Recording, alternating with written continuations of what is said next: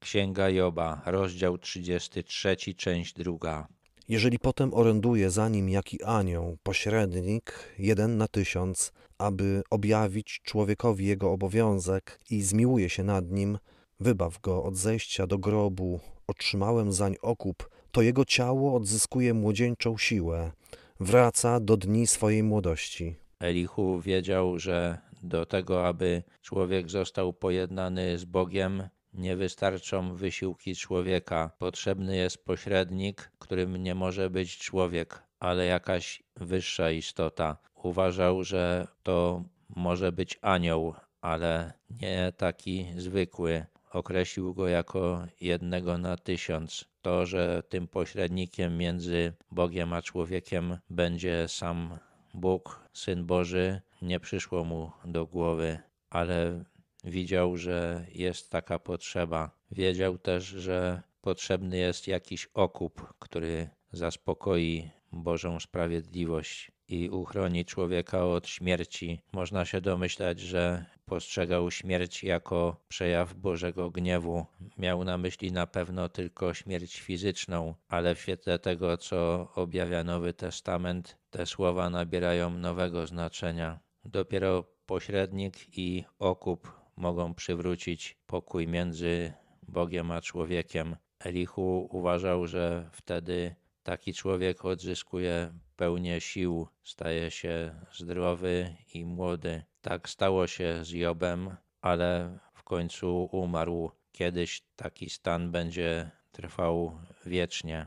Gdy modli się do Boga, ten jest dla niego łaskawy, pozwala mu oglądać z radością swoje oblicze i tak przywraca człowiekowi jego sprawiedliwość. Śpiewa przed ludźmi, mówiąc: Zgrzeszyłem i złamałem prawo, lecz mi za to nie odpłacono.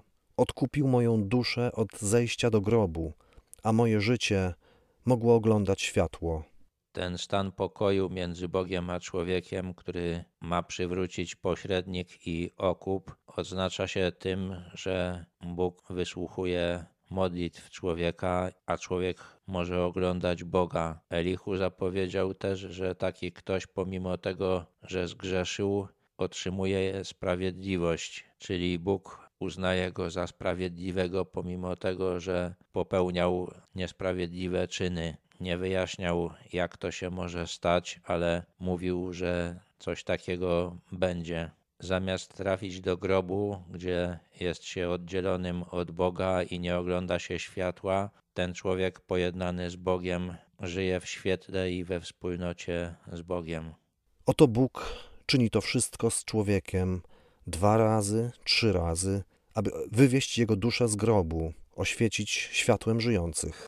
Elichu wierzył, że Bóg przez cały czas działa właśnie w tym kierunku, aby pojednać człowieka ze sobą, aby uratować go od śmierci. Podejmuje wielokrotnie różne takie działania. Był przekonany, że to przez co przechodzi Job też służy temu celowi. Zważ to, Jobie, słuchaj mnie, milcz, a ja będę mówił. Jeżeli jednak masz coś do powiedzenia, odpowiedz mi. Mów, gdyż chętnie przyznałbym ci słuszność. Jeżeli nie, to ty wysłuchaj mnie. Milcz, a ja nauczę cię mądrości.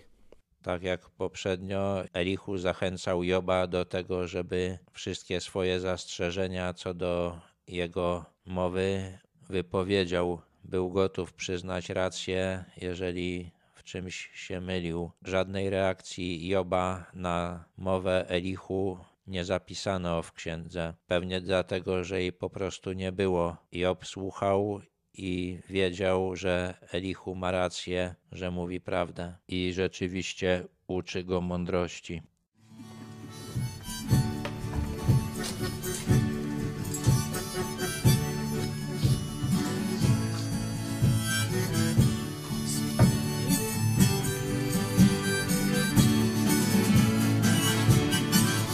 kiedyś Pan, Pan powróci znów, powróci znów, gdy kiedyś Pan powróci znów. I my też tam będziemy, gdy kiedyś Pan powróci znów. Gdy święci swój, gdy święci swój. Opuszczą grób, opuszczą grób, gdy święci swój. Opuszczą grób. I my też tam będziemy, święci swój. Opuszczą grób. Boga tron. Gdy Boga tron. Otoczą w krąg, otoczą w krąg, gdy Boga tron otoczą w krąg. I my też tam będziemy, gdy Boga tron otoczą w krąg. Gdy księgę swą gdy księgę swą otworzy Bóg, otworzy Bóg, gdy księgę swą otworzy Bóg. I my też tam będziemy, gdy księgę swą